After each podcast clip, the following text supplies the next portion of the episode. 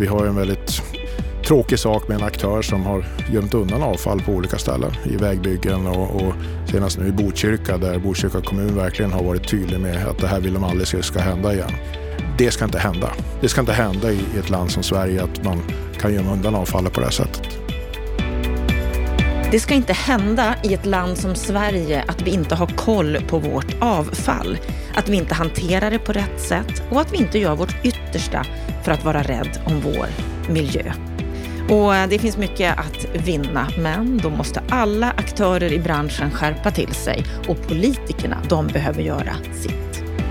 Varmt välkommen till Bopelpodden då vi idag ska djupdyka i skiten. Ja, vi ska prata avfall, vi ska prata om vikten av cirkularitet. Vi ska få träffa Per Larshans. Han tog med sig en mängd avfall in i poddstudion och han var supertydlig med sitt budskap om vad som krävs framåt. Välkommen till Bopolpodden, till en ny vecka med oss. Jag heter Anna Bellman. Jag kommer in i poddstudion och då är den full av byggavfall, av byggskräp, därför att det är precis det vi ska prata om idag. Byggmaterial står ensamt för mer än 30 procent av EUs samlade klimatpåverkan. Och den 1 augusti 2020 så började nya bestämmelser att gälla i plan och bygglagen för den som hanterar bygg och rivningsavfall. Men många kommuner lever inte upp till de nya kraven på utsortering av bygg och rivningsavfall direkt vid källan. Och sannolikt handlar det om bristande kunskap. Det menar vår gäst här idag. Varmt välkommen till Bopolpodden, Per Larshans. Tack så mycket. Jättetrevligt att vara här. Vad är din sinnesstämning idag? Ja, men känslan är väl, alltså, jag tror att många är deprimerade över det som händer, men min erfarenhet är att efter mörker så kommer ljus. Och eh, jag har ju själv, om vi då går österut ett tag, jag har själv varit och föreläst i Ryssland ett antal tillfällen. Och här behöver man hitta ett nytt sätt att tänka. Så det här kommer att ta lång tid innan vi kan liksom få en bra rätt styrning.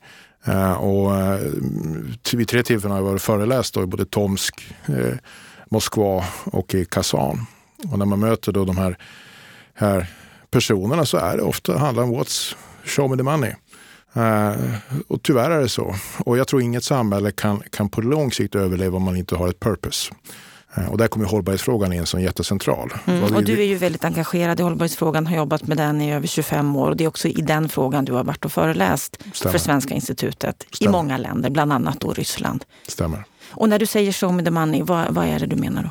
Ja, jag kan ta det tillfället när jag var i Kazan. Då var jag inbjuden av Duman att föreläsa det här fallet då för då de, de high potentials i Ryssland som samlades då på sommarläger.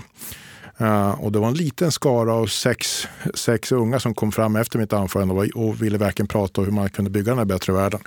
De övriga 240, det var bara hur mycket pengar? Är det här någonting? Tjänar vi pengar på det här eller inte? Annars gör vi som vanligt. Och det är väl det som är utmaningen. Hur kan man tända de där ljusen? Och det är det jag ser som Svenska institutet har jobbat för länge. Att bygga allianser med människor som kan då föra in det här goda. Så, men, men eh, det är ett exempel. Mm. I Tomsk, om jag kan ta det exemplet, det var 2014 precis när eh, ryssarna, ryssarna hade gått in i det här fallet då i Ukraina första gången. Det vill säga tagit Krim och eh, gått in i de här två andra regionerna. Eh, och jag fick en, en kvinnlig guide som skulle ta hand om mig. Så jag frågade henne också, men hur, hur, hur, liksom, hur är det nu i Ukraina? Och för, hur känns det vad som händer där? Ja, det, det är hemskt. Det är hemskt, men det är jättebra att vi nu skyddar ryssarna. Det är väldigt bra. Så det här är ju tyvärr den, den långsiktiga bearbetning man har gjort av folket. Man, liksom, man har en helt annan bild i Ryssland än vad den bilden vi ser. Går det här att lösa, tror du? Är det en konflikt som vi kommer att se ett lyckligt slut på? Ökad transparens. Det man ser, det, det, det väst gjorde, att verkligen hela tiden kommunicera exakt det här skedde just nu och de här filmerna spelas in för närvarande. Det här försöker man göra, lura så att det är Ukraina som anfaller. Just den här ökade transparensen är jättecentral. Så, eh, och där kommer digitaliseringen in som en jättecentral roll. Eh, och jag tror det att innerst inne vill alla människor göra gott. Så det gäller att hitta den där kärnan. Kommer det gå att göra det? Absolut, jag är helt övertygad. Ja, du ser positiv ut. Ja, absolut. Och menar, nu är det så att ska, man ska ta Ryssland och vi stannar där vid ett ögonblick. Så de har ju levt i sedan 900-talet med, med diktatorer. Det har varit liksom olika skepnader. Och ett kort tag 1991 så det släpptes det fritt. Fortfarande, liksom, det, det ändras inte över natt. Man brukar säga att det tar sju generationer att ändra eh, riktigt en kultur. Eh, och så är det klart att vi är ju någonstans i en förändringsresa. Men eh, det här är en reaktion på att det inte går så bra för Ryssland. Och då tar man till det man kan och det är muskler. Mm. Och det kan bli värre innan det blir det bättre? Det kommer bli värre innan det blir bättre, men det kommer absolut bli bättre. Och den enighet som då västvärlden har visat här har jag aldrig sett någonsin tidigare. Det är nästan så att corona var en bra test. Vi kan fatta snabba beslut. Vi behöver inte ta långbäckar. Och exakt det har väst visat upp i det här fallet också. Och eh, även andra länder. Ja, det här är en fråga som verkligen är överst när vi pratar sinnesstämning och vad vi tänker på. Och det överskuggar ju egentligen allting just nu.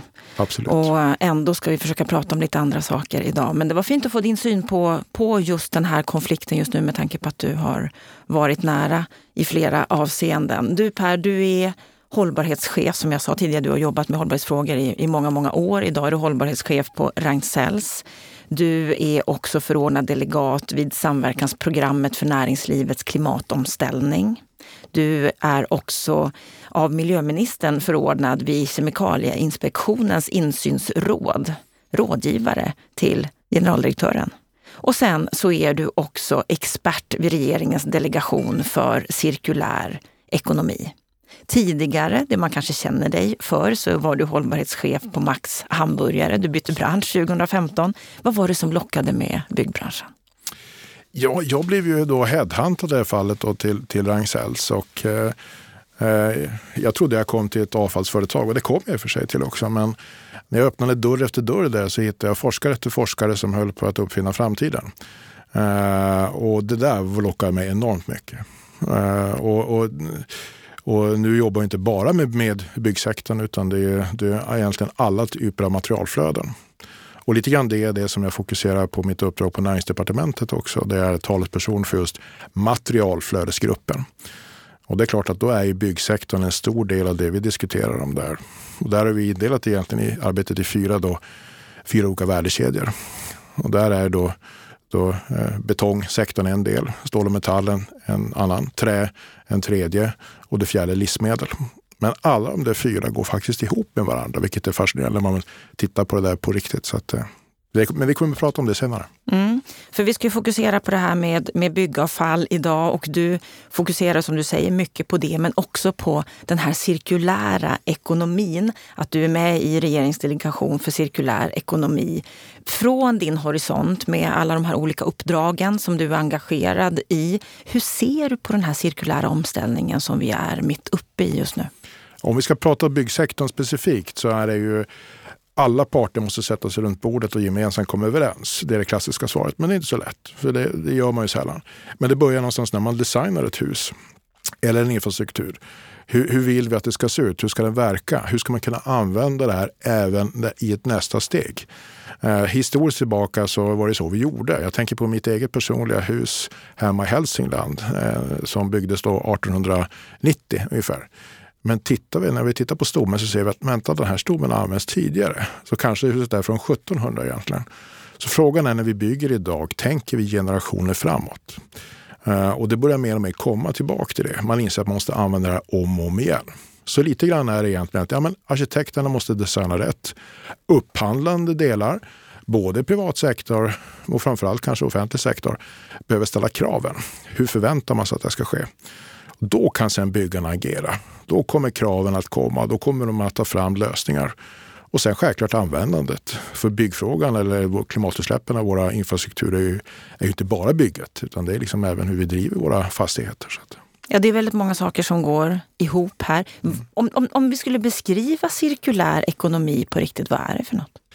Ja, som jag ser det så, så ska vi fokusera på cirkulära materialflöden. Och pratar vi då om, om den, det tv-program som eh, Sir Richard Attenborough tillsammans med, eh, med Johan Rockström, professor Rockström gjorde här förra sommaren. Breaking Boundaries, the Science of our Planet. Så var de väldigt tydlig där att, att eh, jo, vi kan minska våra klimatutsläpp och vi kan göra väldigt mycket där. Men det finns en sak som gör att vi kan reducera risken att vi överskjuter någon av de här nio planetära gränserna. Och det är cirkulära materialflöden. Det vill säga att vi undviker att använda saker vi har tagit upp ur berggrunden. Eller rättare sagt att när vi väl har tagit upp saker så ska vi se till att vi har det i cirkulation om och om igen.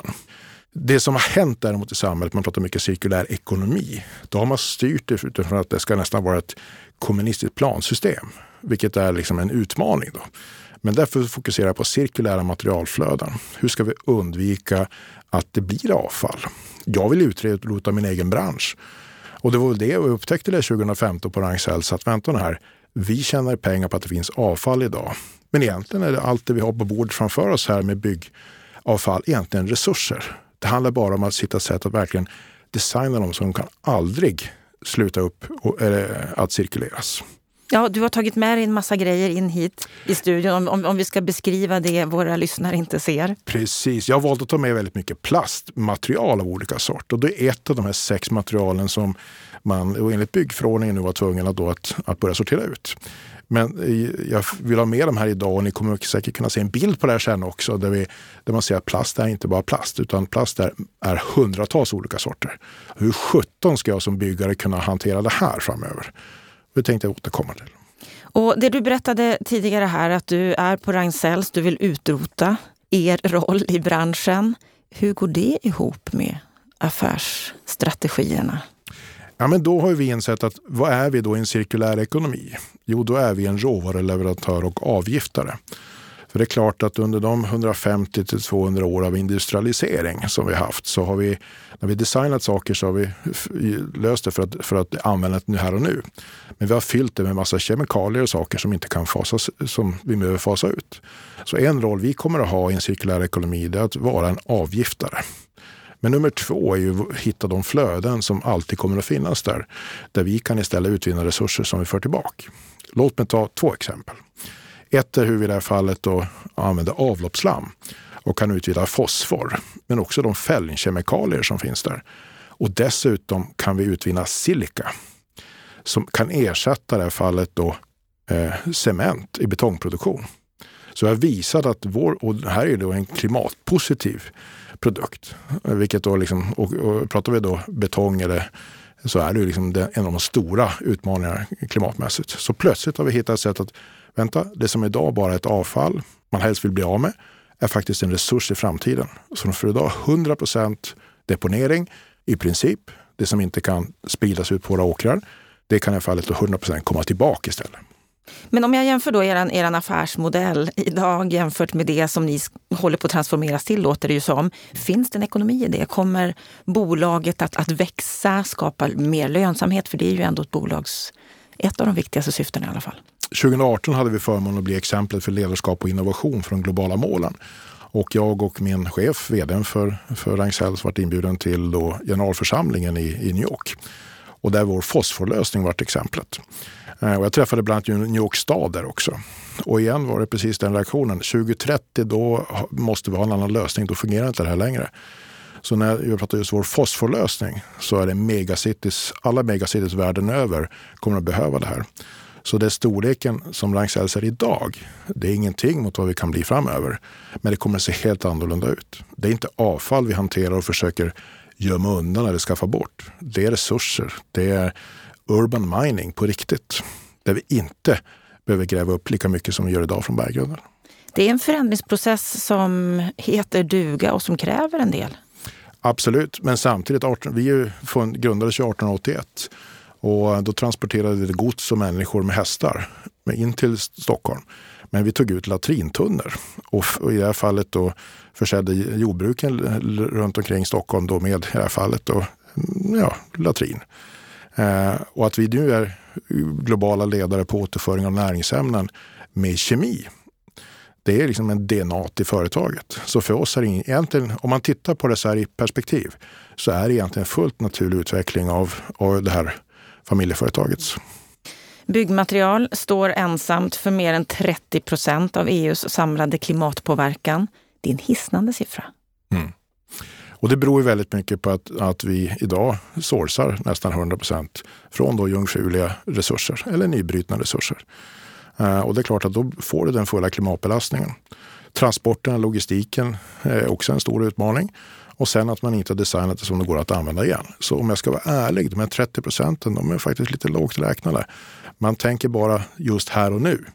Men vad händer sen i nästa steg? Vad blir klimatbelastningen när jag måste riva dem?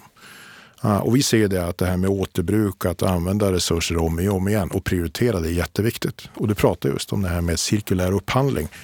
Det kommer att vara jättecentralt framöver när vi bygger framtida husen att vi först prioriterar återvunna flöden. Eh, och då skulle då klimatbelastningen när vi bygger kunna sjunka radikalt. Hur mycket skulle kunna gå att återbruka i rivningsprojekt? De saker som vi har byggt som innehåller toxiner, gifter, som vi inte vill få tillbaka måste vi självklart försöka få bort. Men jag vill lyfta upp ett exempel och det är Tarkett. Tarkett utvecklar idag en lösning där de mattor man lägger in inte ska brännas i framtiden. Du ska gå tillbaka och bli nya mattor. Och nu har det en begränsning fram till nu att man inte har kunnat ta mattor tror jag, före 2010 på grund av då de eftalater och tillsatser man hade innan. Jag vet att man tittar på lösningar för att faktiskt försöka separera det. Och lyckas man med det, ja, då är inte det ett problem längre. Nu jobbar vi tillsammans med Taket i ett annat spännande projekt också där för en stor del av, av det man tillsätter i mattor är faktiskt då kalciumkarbonat. Uh, och idag bryter man kalciumkarbonaten från kalkbrott uh, och sen eldar man då den här kalken och till, tillverkar då här kalcium, PCC som det heter. Uh, och, men vi kommer att kunna utvinna kalciumoxid ur askbergen som är efter Sovjetunionens gamla energiproduktion i Estland och spruta in koldioxid. Så, så istället för att du eldar och driver ut en massa koldioxid och, och behöver bryta det i gruvor så kan man i alla fall använda gammalt avfall fylla på med koldioxid och producera ny kalciumkarbonat. Så här jobbar vi med Tarkett globalt för att ställa om det här. Och, eh, totala klimatpotentialen för det här projektet är 400 miljoner ton CO2. Och för er lyssnare så är det åtta gånger Sveriges totala utsläpp som nation. Eh, åtta års totala utsläpp. En hel del.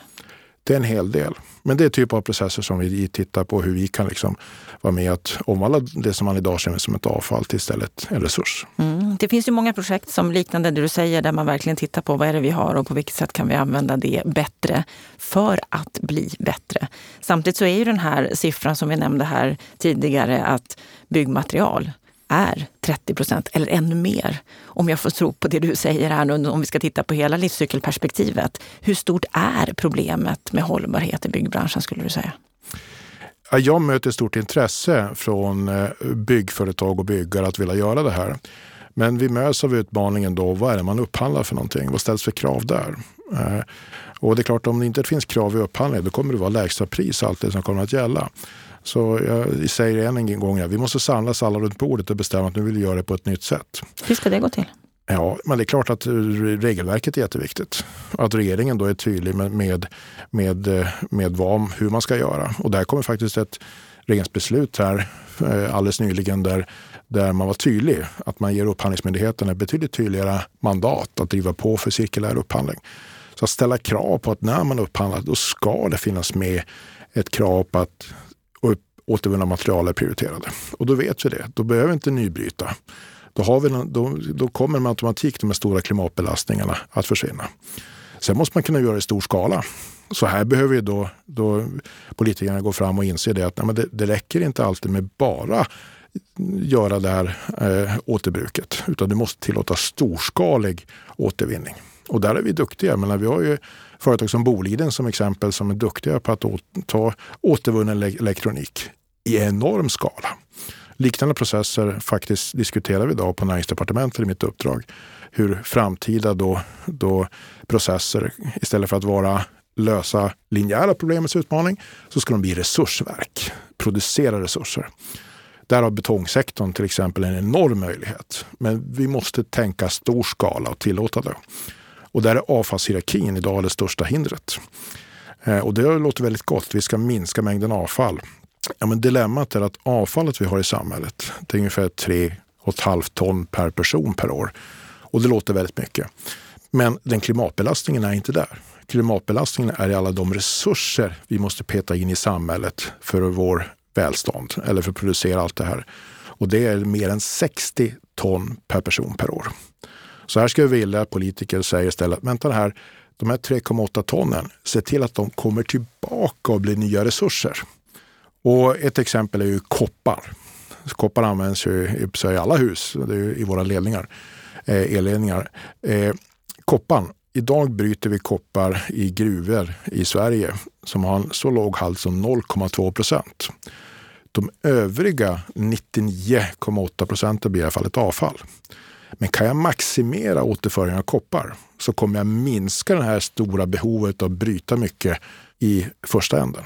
Men idag är, är fokuset inte för tillbaka resurserna utan fokuset har varit minska avfallet.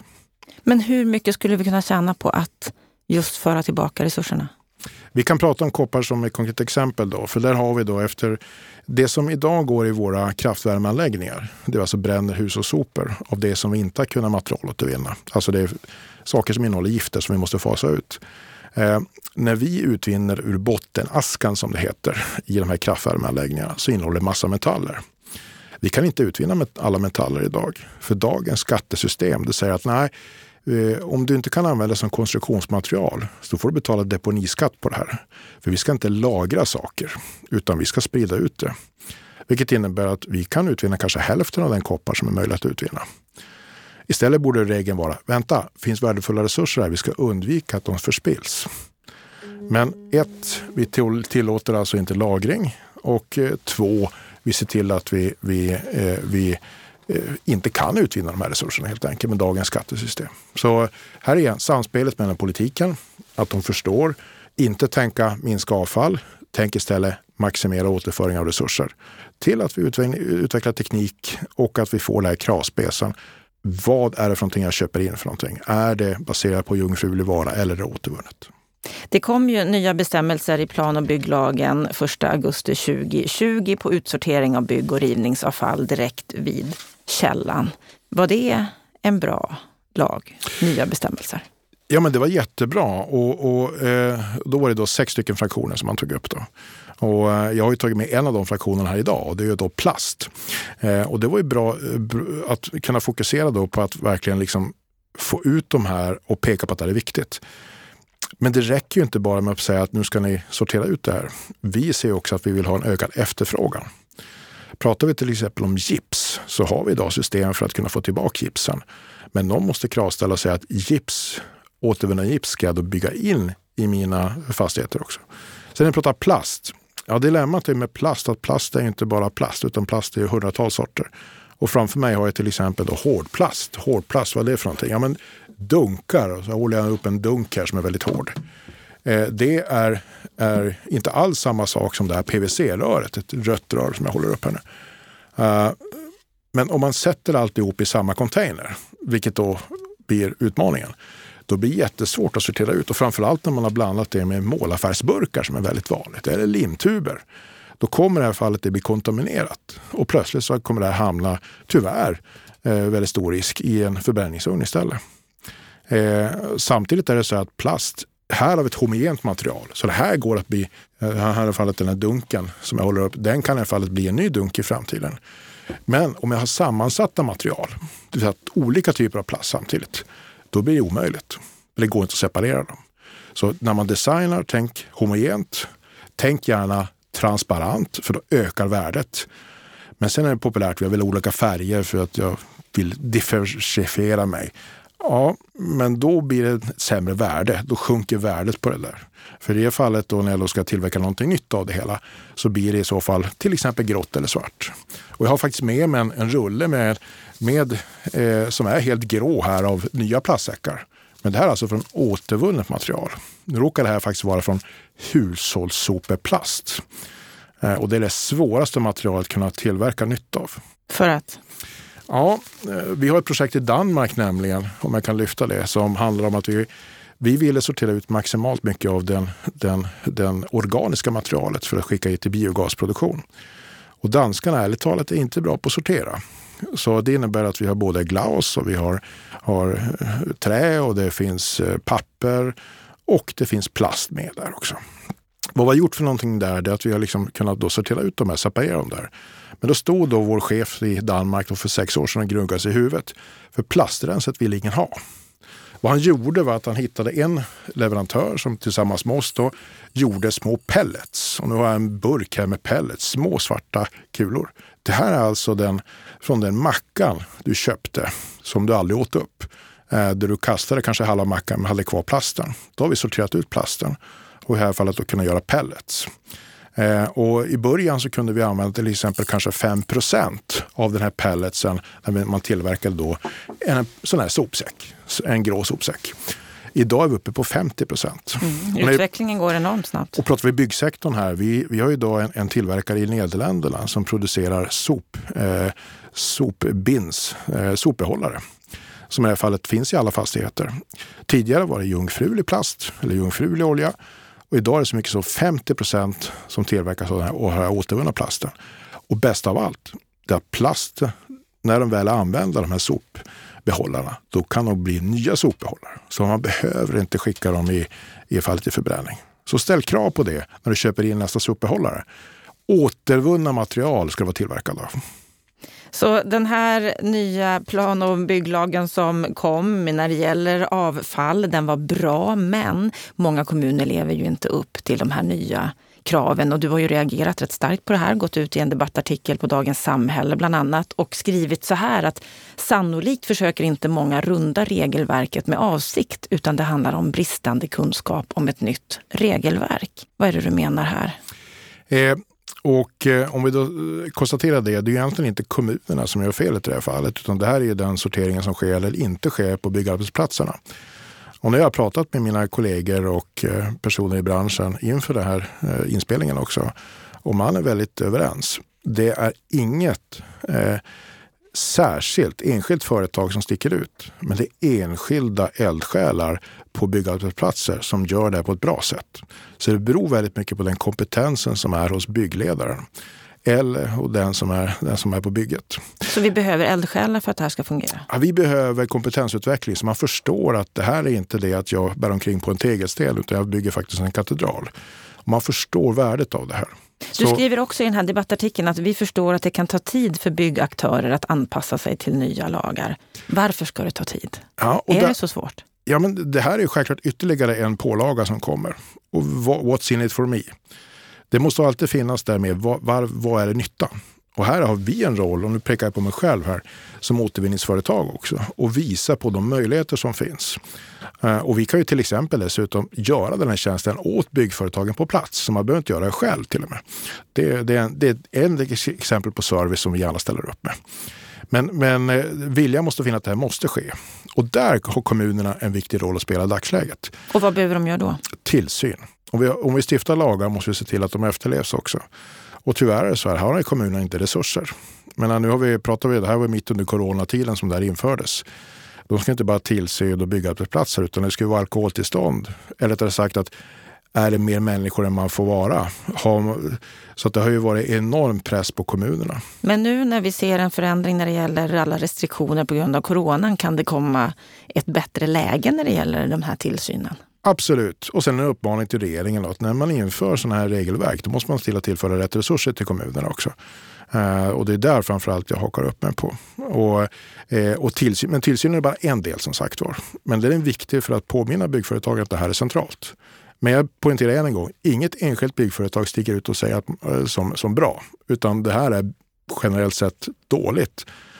Med undantagen för goda eldsjälar i på enskilda byggprojekt som verkligen sticker ut. Så alla byggföretag behöver bära sitt ansvar och inse att de har sitt ansvar här?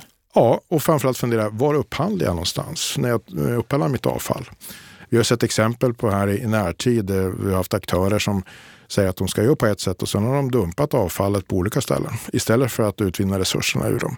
Men det är klart att de har ju vunnit kontrakten väldigt billigt från byggföretagen. Så fundera som byggföretag när jag gör en upphandling, hur sjutton kan det här bli så billigt? Vart tar det här vägen?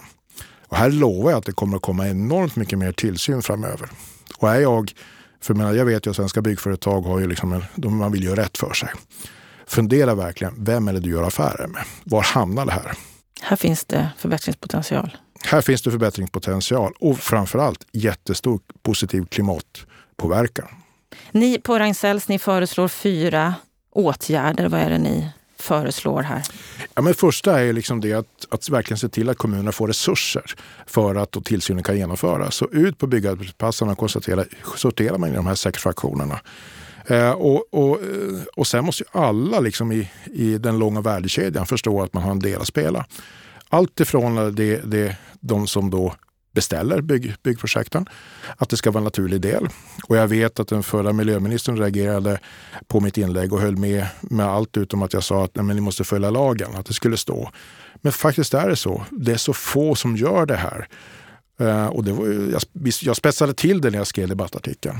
För självklart så ska vi följa alla våra lagar. Men, men det är pinsamt lite som det sker. Uh, och sen självklart det sista som är centrala, det är liksom att vi säkerställer att vi i all upphandling alltid prioritera återvunna material. Då kommer vi skapa en marknad. Då kommer värdet att öka på de här resurserna som man idag ser som avfall. Och det är klart att då ökar intresset för byggföretagen. Jag vet att det här har ett värde. Aha, då gör man rätt. Vems är huvudansvaret här skulle du säga? Ja, det här är det kruxet. Man vill ju peka på en person som ska sticka ut. Men jag tycker byggföretagen har en väldigt viktig roll att spela. Eh, och att de i det här fallet då diskuterar med de som också lägger ut anbuden. Så här kan man ju liksom verkligen ställa höga krav i anbudsförfrågan. Vilket gör att de här riktigt seriösa aktörerna kommer att gynnas. Eh, så, så jag har svårt att peka på en enskild aktör. Regeringen måste göra sitt när vi pratar lagstiftning. Eh, våra myndigheter behöver, behöver sköta tillsyn, sitt tillsynsansvar. Eh, de behöver säga till att de behöver mer, resurser. Vi som återvinningsföretag måste ju finnas där och visa på de lösningar som finns. Och hur skulle ni kunna göra saker bättre för att det här ska bli bättre? Ja, vi måste vara ännu mer tydliga när vi, när vi, när vi då lämnar ett anbud vi gör inte det här jobbet om vi inte får göra på det här sättet. Alltså, det är en karaktär, karaktärsfråga också. Och sen får ju som sagt var de byggföretagen fundera på då. Ska jag gå med den här lösningen som jag inte vet vart avfallet tar vägen eller ska jag gå där jag vet att det här blir faktiskt nya resurser? Och om det här skulle, skulle ske, att alla skulle ta sitt ansvar på det sättet som du beskriver, vad skulle vi se för effekter då? Vi skulle, ett, eh, om vi börjar med att får en ökad efterfrågan på materialet så skulle vi direkt kunna minska vårt behov av då nybrutet. Det har en direkt klimateffekt. Två, vi skulle undvika att se de här utmaningarna där byggavfall hamnar på fel ställen. Vi har en väldigt tråkig sak med en aktör som har gömt undan avfall på olika ställen i vägbyggen och, och senast nu i Botkyrka där Botkyrka kommun verkligen har varit tydlig med att det här vill de aldrig ska, ska hända igen. Det ska inte hända. Det ska inte hända i, i ett land som Sverige att man kan gömma undan avfallet på det här sättet. Vad tror du? Kommer vi komma framåt? Absolut. Eh, regeringen har ju då lyft upp det här högt på agendan och kommunerna verkligen är tydliga med att det här ska inte ske igen. Och när nu Upphandlingsmyndigheten har fått det ytterligare uppdraget att driva på för cirkulär upphandling så tror jag vi kommer se en, en, en snabb förändring innebär inte, inte över, över dagen. Och hur snabb? Tre år. Jag brukar säga sju år tar det normalt sett att analysera sig någonting hända. Nu har vi hållit på i fyra år så att om tre år till då kommer vi se en stor förändring. Där många kommuner gör det här. Och vi, faktiskt, vi har delat ut pris till de bästa kommunerna fyra år i rad här. Det vill säga de som i sina upphandlingar ställer krav på återvunna material. Eh, och sista året var det då Helsingborg och Göteborg som vi prisade som årets cirkulära förelöpare. Och det är väl en sak. Nu har jag skällt väldigt mycket här eller varit kritisk, men lyft de goda exemplen. Hitta de här, de här eldsjälarna på byggarbetsplatserna som gör ett bra jobb. Låt dem bli hjältarna. Vi hyllar kommunerna som, som ställer om. Och ärligt talat, jag säljer inget avfall eller råmaterial till kommunerna. Så jag har inget direkt vinstintresse imorgon.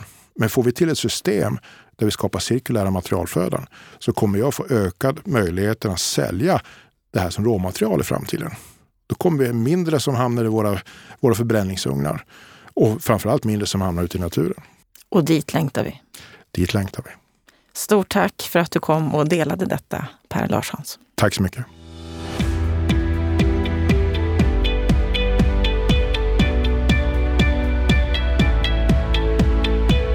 Ja, då har vi hört samtalet med Per Lars Hans. Vad säger du om det här samtalet, Lennart Weiss?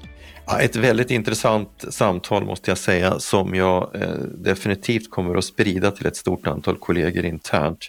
Eh, även om jag på en ytlig nivå hade kunskap om flera av de här sakerna och till exempel kände till det här med Tarkett och så vidare så, så tycker jag ändå att eh, Per är ju en fantastisk resurs eh, när det gäller att belysa eh, det här problemkomplexet. Han, han har ju otroligt mycket siffror och ett genomtänkt synsätt.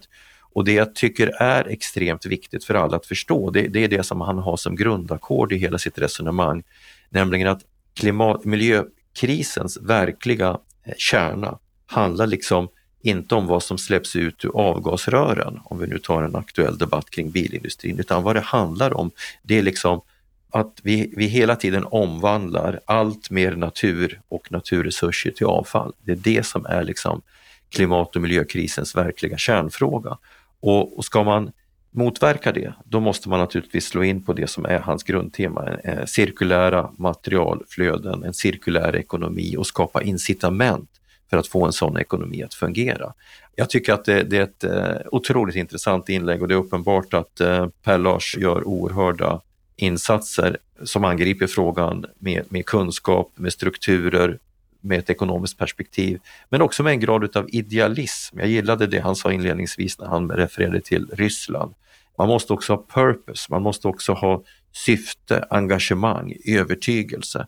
Och det var ju uppenbart att, att det här samtalet speglade verkligen precis de två sakerna så att jag, jag blev väldigt stimulerad utav det, det måste jag säga. Han sätter ju rätt stor press på, på branschen, på er som aktörer, att ni måste ta ett mycket större ansvar här. Ja, absolut, och det gör han helt rätt i. Eh, nu jobbar ju inte jag med de här frågorna så att jag, jag är inte expert och förmodligen så har det, händer det mycket mer i vardagen eh, än vad jag har kunskap om och det ska jag faktiskt ta och följa upp efter det här samtalet. Men han ställer ju sådana här eh, grundläggande frågor som man bör ställa sig men, men som också bara ställs om det finns en genomtänkt agenda och en målbild. Alltså vad upphandlar jag? Var upphandlar jag? Att alltid prioritera återvunna material, att ställa rätt typ av frågor i samband med anbudsförfrågan eh, och lyfta fram Eh, goda exempel, hjältarna i den egna organisationen. Jag vet att de som jobbar med hållbarhet i vårt företag eh, är den sortens människor och, och har den drivkraften. Och för övrigt så inom vårt företag så är klima, som vi säger, de halvnorsk, halvsvorsk eh, ett utav tre prioriterade strategiområden och där finns ju de här frågorna med därför att materialåtervinning råkar vara en av de saker som är enklast gripbara för branschen. Vi har mycket, mycket svårare att hantera koldioxidutsläpp när det gäller betong och, och, och, stålframställning som ju ändå är våra viktigaste råvaror när vi bygger hus. Men, men här kan vi göra mycket. Så att, eh, men, men eh, det gäller också att angripa frågan på ett kunskapsmässigt sätt med, med genomtänkta arbetssätt och, och det, då måste man ha en god analys i botten och eh, här är det uppenbart att det finns en kunskapskälla som, som eh, kan leverera hur mycket inspel som helst. Och samtidigt som jag tänker att du måste också ha med precis det du påpekar, den, de ekonomiska incitamenten. Ja, och de spelar ju alltid roll. Även om du har starka ideella drivkrafter för det du gör så måste ändå till slut allting eh, ligga i linje med det som är verksamhetens grundläggande syfte, att generera ekonomiska resultat. Eh, men jag tycker att han ger ett antal exempel som visar att man kan förena de här två sakerna. Eh, jag menar Tarkett-exempel är ett fantastiskt exempel, men, men, eh, eh, och, men, men också annan typ av material. Vi sorterar ju byggmaterial på våra byggen idag. Restmaterial sorteras idag på skulle jag säga, alla byggen i olika containrar. Men jag är, inte, jag är inte säker på att vi alltid vet hur det ska användas i nästa led och om vi kan förbättra sorteringen ännu mer. Jag tror definitivt inte att vi har den kunskapen som, som, som Per ger uttryck för när det gäller att beställa material på ett sådant sätt att de är möjliga att cirkulera senare.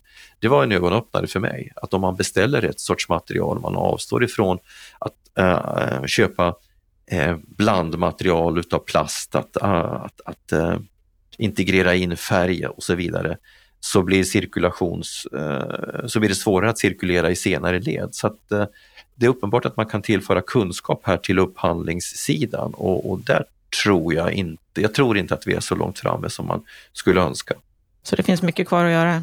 Ja, men det gör det alldeles säkert. Men eh, som sagt, han speglar ju liksom allt ifrån eh, koppar till eh, till, till eh, insatsvaror av olika slag, vad vi bygger med.